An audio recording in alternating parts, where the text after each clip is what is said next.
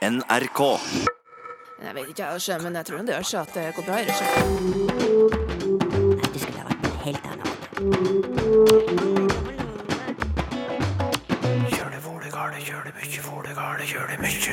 Vi kritiserer nødig folks utseende, men fyrer gjerne løs mot språket den bruker.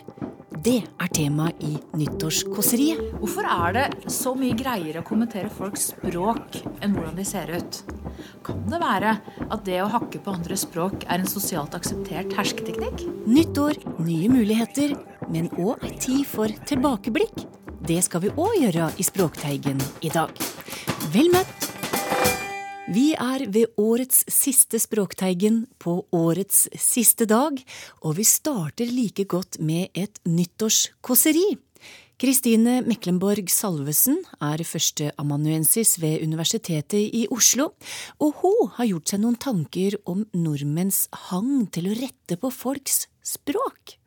Nordmenn er et fredsommelig folkeferd. Og da tenker jeg ikke bare på fredsprosesser ute i den store verden og utdelingen av Nobels fredspris. Nei, vi som folk er relativt fredsommelige. Det skal ganske mye til før den gjennomsnittlige nordmann hever stemmen og kritiserer den som måtte snike i køen, eller som står på venstre side i rulletrappa. Ingen med et snev av sosial kompetanse, eller folkeskikk som det het da jeg var ung, ville finne på å kommentere andres kropp, klær, hår eller utseende for øvrig. Men når det gjelder språk, se det er noe annet. Det er ikke lenge siden jeg leste en kronikk av en ung mann som mente vi burde innføre republikk i Norge. En av de første kommentarene lød omtrent som følger. Det er vanskelig å ta noen på alvor når de skriver kronprinsens navn med Å og ikke to a-er. Nok snakka, liksom. Én skrivefeil, og vekk med den. Og mens man gjerne kan diskutere både politikk og religion relativt saklig, er det mange som mer enn gjerne hoverer over andres manglende språkferdigheter. Det legges ikke så mye som en lillefingernegl mellom i slike tilfeller. Sa du virkelig at det var en sliten bygning? Visste du ikke at det må hete slitt? Er det mulig? Lærer de ikke norsk på skolen lenger? Forfallet er som kjent de andre. Det er noe fascinerende over hvordan nordmenn kan hisse seg opp over språket. Det er som om all aggresjonen vi bærer på, får en kanal ut i møte med en tenåring som sier at han skal gå på kino med kjæresten. Likesinnede har grupper på Facebook hvor de møtes til jublende harselas over dem som skriver feil, og hvor de uforstående og temmelig synkront rister på hodet over mennesker som ikke synes det er greit å bli rettet på. Vil de forbli uvitende, liksom? Å være språkbruker handler om å kommunisere.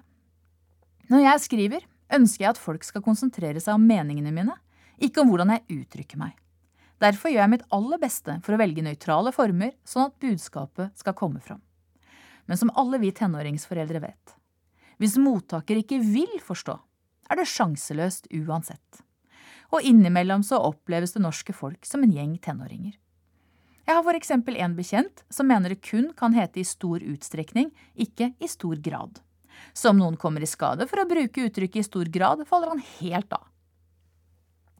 For andre blinker det i flere røde lamper enn på en middels amerikansk forstadsbolig i førjulstida når de hører ting som at vinduet knuste.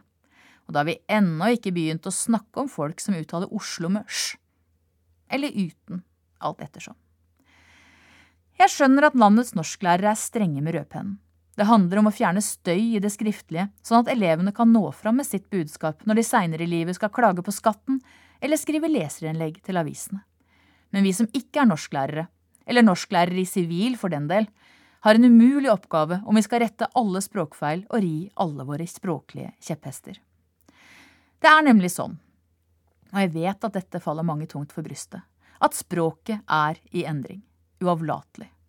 Mine unger sier for eksempel jeg skal kjøpe deg en julegave, og viser en hoderystende mangel på forståelse for min språkfølelse som kun tillater jeg skal kjøpe en julegave til deg. Om en generasjon eller to er sannsynligvis det de sier, om ikke god latin, så i hvert fall god norsk. Jo da, jeg retter på ungene, og jeg ser alt jeg mener er feil i avisen og på Facebook. Men her er poenget. Hva er rett reaksjon når ungene sier jeg skal kjøpe deg en julegave? Er det å si A. Det heter ikke det, det heter jeg skal kjøpe en julegave til deg. Eller B. Å, så hyggelig. Men det trenger du da slett ikke. Det er en gave bare å få være mammaen din. Her bør ingen trenge betenkningstid. Å hakke på andre språk er en form for hersketeknikk som er sosialt godtatt.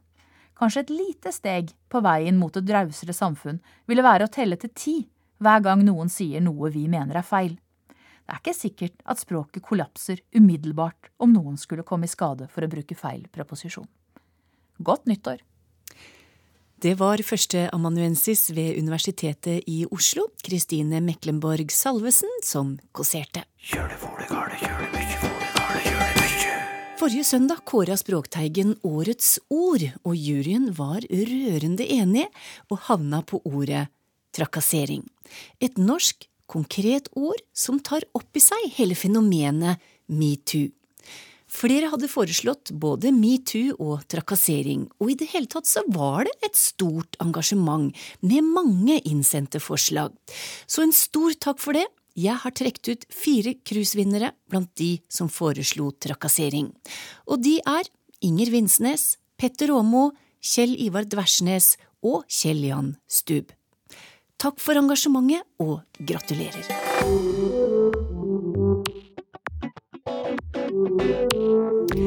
I 2017 så gjorde Språkteigen òg en annen kåring, kanskje av det mer uhøytidelige slaget, men likevel en kåring av Norges vanskeligste faste uttrykk. Fra januar til mai hadde vi en serie om faste uttrykk som fortsatt ligger i nettradioen på nrk.no, og helt til slutt så gjorde lingvist Georg Kjøll en kåring av det vanskeligste uttrykket. Skjære alle over én kam. Å skjære alle over en kam er Norges vanskeligste uttrykk, mener du, Georg. Det må du forklare. Ja, og det handler litt om hvilke kriterier man bruker for å, for å bedømme hva som er vanskelig og ikke. Men uh, her er det rett og slett så utrolig mange varianter og så utrolig mange måter å ta feil på at uh, det, det trumfer alt annet.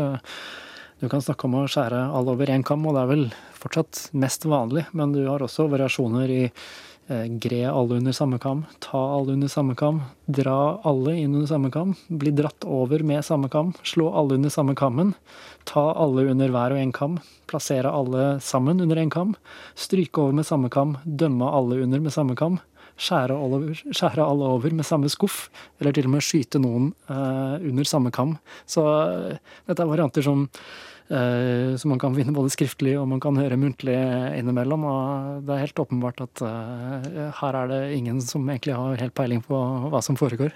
Da må vi rydde opp litt. Da må vi prøve å finne ut hvor kommer dette uttrykket fra. Ja, Opprinnelig så handler det om frisøryrket, eller det man kalte for hårskjærere tidligere. Så eh, du kan eh, gå, til en, eh, gå, til en, frisør i dag, og så bruker de barbermaskin eller eh, saks, men på et eller annet tidspunkt så har de brukt kniv.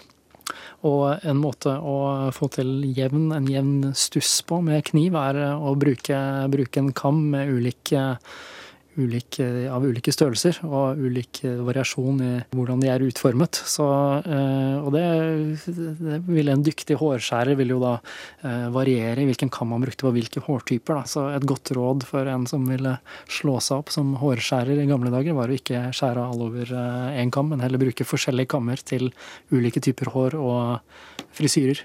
Så den gang så var det egentlig tegnet på en dårlig frisør, at du skar alle over en kam? Ja, det stemmer. Så nå i dag så, eh, så er det mer et uttrykk for eh, å være en litt sånn ja, være en litt dårlig menneskekjenner, da, eller en, eh, en som behandler alle, behandler alle likt, uten at uh, egentlig det er det mest hensiktsmessige. Så vi bruker det i overført betydning for å snakke om ja, noen som behandler alle på samme måte uansett, eh, egentlig. Og det handler også om situasjoner. altså Hvis du, hvis du bedømmer situasjoner sånn at eh, den ligner litt på en situasjon jeg var i før, så da gjør jeg det samme, så kan det kanskje få deg et stykke på vei, men det vil eh, ofte også gjøre at du kan havne i vansker. Så dermed så lønner det seg å heller gjøre som, som en god hårskjærer ville gjort da, i, i, tidligere tider, og, og se an situasjonen og heller bruke ulike verktøy for å løse ulike oppgaver. Hvorfor er dette så vanskelig å da? Det handler, det handler eh, nok mye om at preposisjonen er vanskelig her. Det er ikke noe intuitivt, i at, uh, intuitivt at det skal være over. Uh, så dermed så får du også varianter med under, da, som i gre under og gre alle under samme kam, eller ja, dra alle inn under, under, samme kammen. Det gir kanskje mer mening. Du snakker også om å feie noe under teppet, f.eks.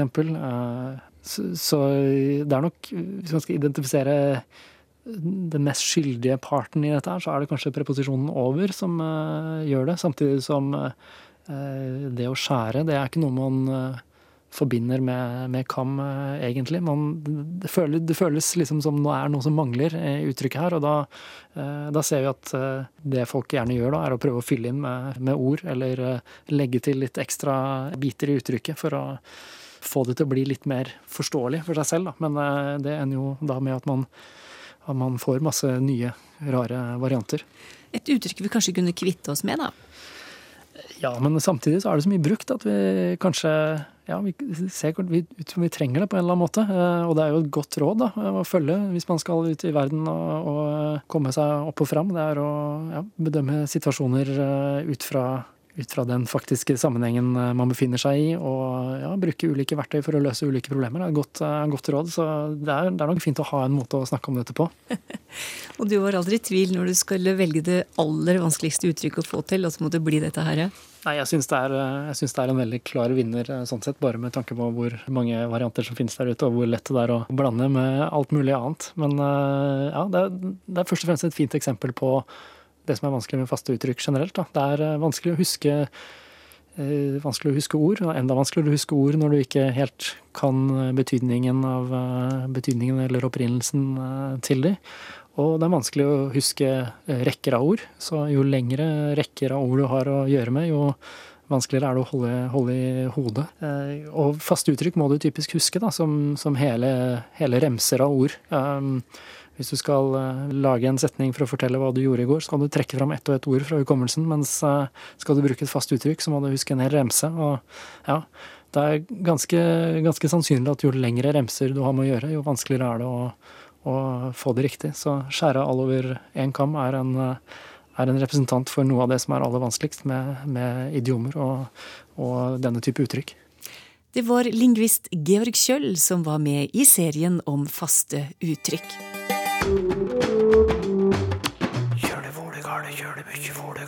Det mykje. En annen serie har òg satt sitt preg på Språkteigens sendinger i år. En ganske frodig serie, vil jeg si, nemlig serien om skjellsord. Vår hang til å karakterisere andre har gitt språket vårt en flora av skjellsord. Du er vel en av de desidert største flanagarpa jeg kjenner til i det hele tatt. Det går ikke an å være et sånt sloghaug. Eh, eller kanskje vi skal kalle det rett og slett en skalleknarr? Det skorter ikke på oppfinnsomheten i vår iver etter å karakterisere andre folk. Og dette med skjellsord, det har vi hatt med oss lenge, Tor Erik Gjenstad. Ja, det tror jeg har vært med oss så, så lenge som det har eksistert menneskelig språk. Så det, det, er gammelt, og du finner skjellsord med opphav i norrønt og, og, sikkert uh, lenger tilbake. Uh, så det blir laga nye til, til, alle tider. Og dermed å karakterisere sine medmennesker, det, det tror jeg er et ganske grunnleggende behov, ja. Men det er ikke alltid så pent? Nei, det er jo ikke det. det men du finner jo også positive Eh, personkarakteristikker. Men det, det, er nok i flertall, de her negative, de her skjellsordene. Så det er mulig at det ligger et eller annet i oss at det har lettere for å kritisere enn for å gi ros. Mm. Og, og, tilfanget det er stort, for det dukker stadig opp nye. Ja, det gjør jo det, og det er jo en ting som gjør det litt interessant å faktisk studere det her. Ja. For her, eh, her er det jo for så vidt ikke noe standardisering. Eh, det får blomster fritt. Eh, det er ikke noe språkråd eller annen instans som bestemmer hva som skal brukes. Og det er ikke slik som for eksempel eh, ta navn på dyr og planter, fugler, fisker.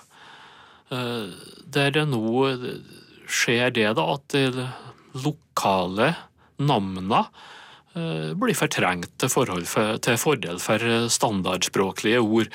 Det presset der, det har du ikke i det skjellsordet. Altså, så her er det litt som eh, eh, botaniker som vil studere villblomster eh, framfor hageblomster.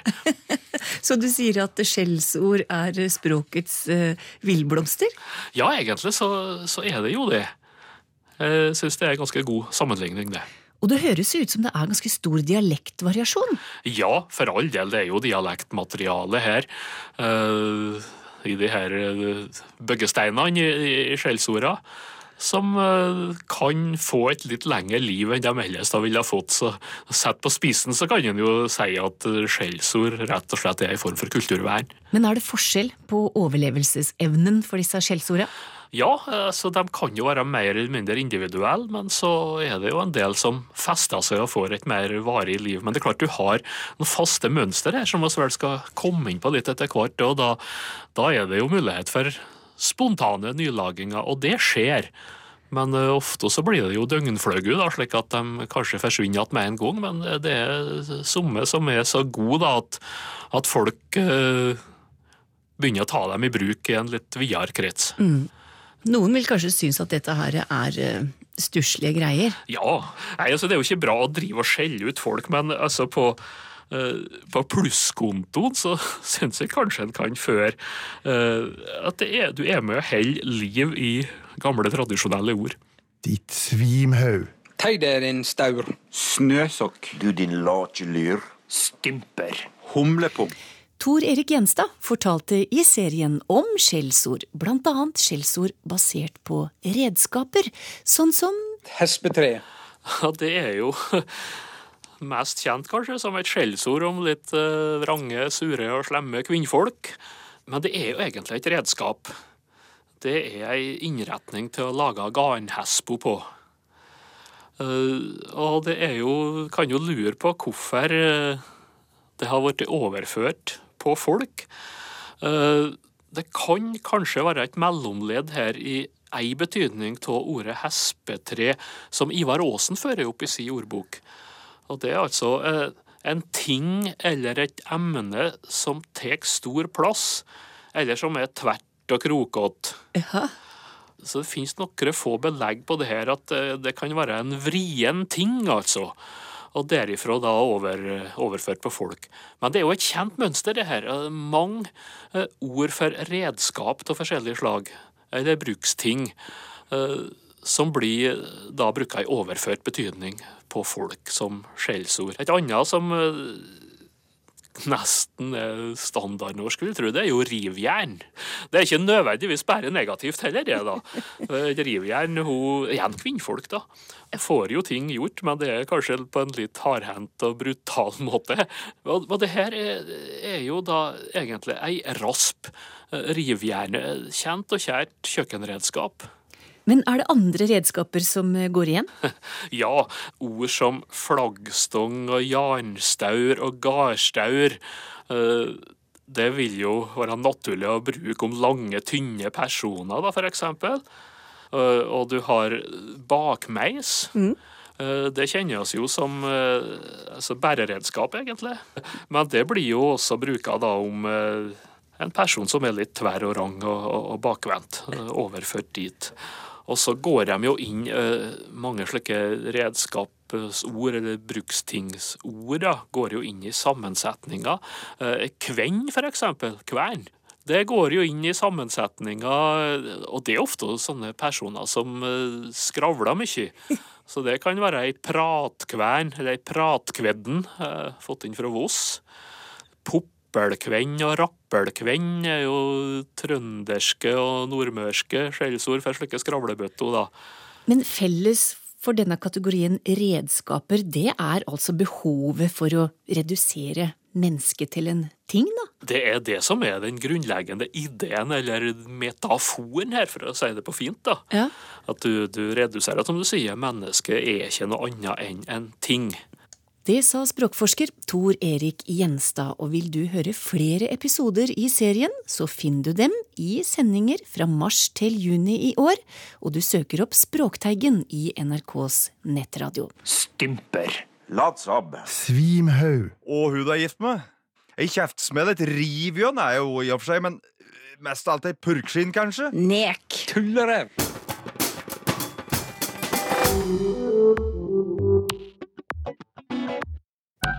Navnestrid er et kjent fenomen i Norge, det kan historien fortelle oss. I 2017 var det på'n igjen. Kommunereformen ble behandla i Stortinget, og både kommuner og fylker må ha nye navn. Så nå er det veldig mye som er kasta opp i lufta samtidig på dette området. Og hvis vi skal se på fylkesnavnene, så må vi altså helt tilbake igjen til 1918. Da var de eh, forrige gang oppe til diskusjon, og da kom eh, lov om rikets inndelingsnavn. Sa direktør i Språkrådet Åse Vetås i Språkteigen tidligere i år. Og det store navneskiftet skapte engasjement. Navn betyr veldig mye for eh, identiteten til folk, og derfor er det et område som en da ikke skal ta lett på. Mm, så det er ikke tida for moroklumper, dette her, altså? Nei, eh, vi i Språkrådet er jo veldig opptatt av å bevare det norske navneverket på en god måte, og det å lage nye fantasinavn, det syns vi veldig lite om når det ligger så utrolig mye godt eh, navnestoff der som er tilgjengelig for bruk.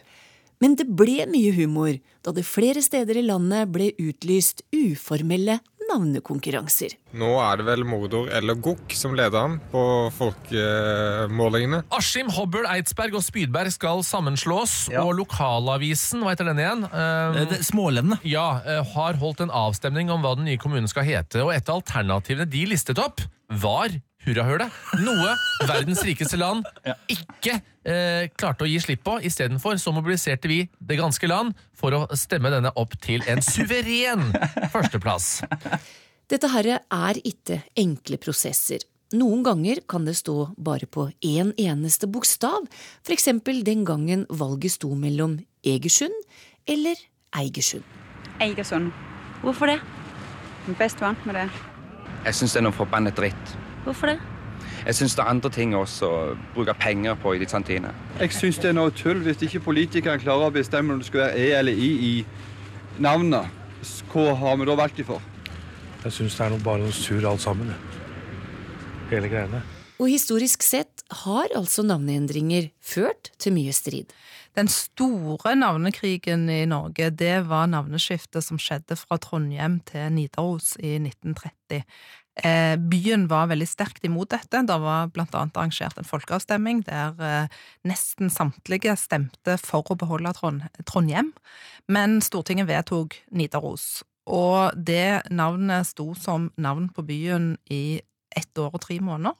Så eh, blei navnet endra til Trondheim, som ble da en slags eh, kompromissform, et slags kompromissvalg, fordi at det var så stor motstand mot navnet Nidaros eh, lokalt i byen at det gikk ikke. Det var ruteknusing, og det var kjeppjaging av folk fra byen, og det var svære protester. Og da striden sto mellom Kristiania og Oslo, ble det et eksempel på at navnesaker setter mange krefter i sving. Det var en veldig lang og veldig hard debatt. Det var skarpe fronter. Det var en debatt som trigga alle de politikkområdene som gir en skikkelig klassisk god norsk debatt, sånn som eh, motsetningen mellom by og land, høyresida og venstresida i politikken, eh, målsag, eh, alle de tingene der. Og helt inn på målstreken så var det altså sånn at flertallet i det daværende Kristiania kommunestyre var imot navneskiftet til Oslo. Veldig mange assosierte Oslo med eh, gamlebyen, arbeiderstrøk i Oslo, ville ikke ha det som navn på hele byen. Veldig mange assosierte Kristiania med eh, dansk kongevelde gjennom 300 år og ville ha det vekk. Og alle disse tingene her, det lagde en eh, relativt eksplosiv miks. Det var den gang. Nå er vi her igjen. På Vestlandet ble det lagt en sprengladning da Hordaland og Sogn og Fjordane fylkesting i høst vedtok å kalle den nye fellesregionen for, ja, nettopp Vestlandet. Jeg er først og fremst fryktelig fryktelig skuffet over at noen tillater seg å stjele navnet til en hel landsdel. Det er jo rene Ja, det er jo rene identitetstyveriet. For hva er Vestlandet i dag?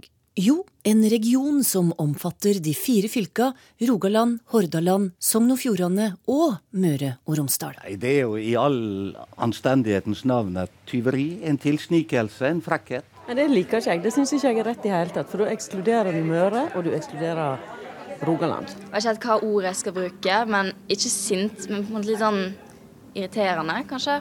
For vi er jo alle vestlendinger. Vi er helt feil.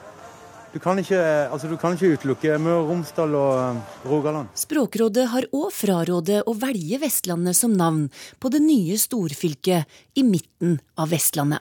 Vi mener at det vil være veldig uheldig å reservere navnet Vestlandet til bruk på bare to av disse fylkene. Eventuelt så vil en da få en situasjon der en har Vestlandet i bruk på to måter. Både om hele landsdelen og om disse to fylkene. Men motstanden til tross, her feirer fylkestingene i Hordaland og Sogn og Fjordane at det nye storfylket har fått navnet Vestlandet. I dag er en god dag. Blir navnet stående, er verken Jærstrendene, Preikestolen eller Geiranger en del av det nye Vestlandet. Vestlandet kan jo ikke bare konsentreres om Sogn og Fjordane og Hordaland. At halvparten kommer og skal raske til seg et navn som har levd i kanskje 150 år, det er på godt norsk en frekkhet. Vedtaket i det felles fylkestinget var samstemt, sjøl om bl.a. Språkrådet kom med andre forslag. Ja, Vi har eh, foreslått at en ser på andre gode, historisk forankra regionsnavn som er brukte tidligere i dette området. Og Der kan jeg helt konkret nevne Bjørgvin, som også er bispedømmenavn. Eller Bergenhus, som var det gamle navnet på disse fylkene. Eller et eldre navn på disse fylkene, i hvert fall. Og så har vi sagt at det går an å se på et navn som knytter seg til Gulating, som òg dekker disse områdene. F.eks. Gulafylket. Jeg ser ingen grunn til at vi skal begynne på nytt. Vi hadde opp eh, alternative forslag. De falt. Eh, Enstemmigheten var stor. Så eh, dette er det vedtaket vi har gjort, og som eh, er oppdraget vårt. Svarer fylkesordfører i Hordaland, Anne Gine Hestetun. Og ikke alle vestlandshjerter banker heftig av irritasjon.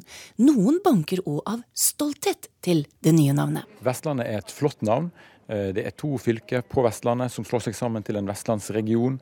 Eh, De to fylkene har en sterk vestlandsidentitet. og Da er det, eh, synes jeg det er et logisk og naturlig valg å velge Vestlandet. Men om det er et klokt valg, det er jeg litt mer usikker på.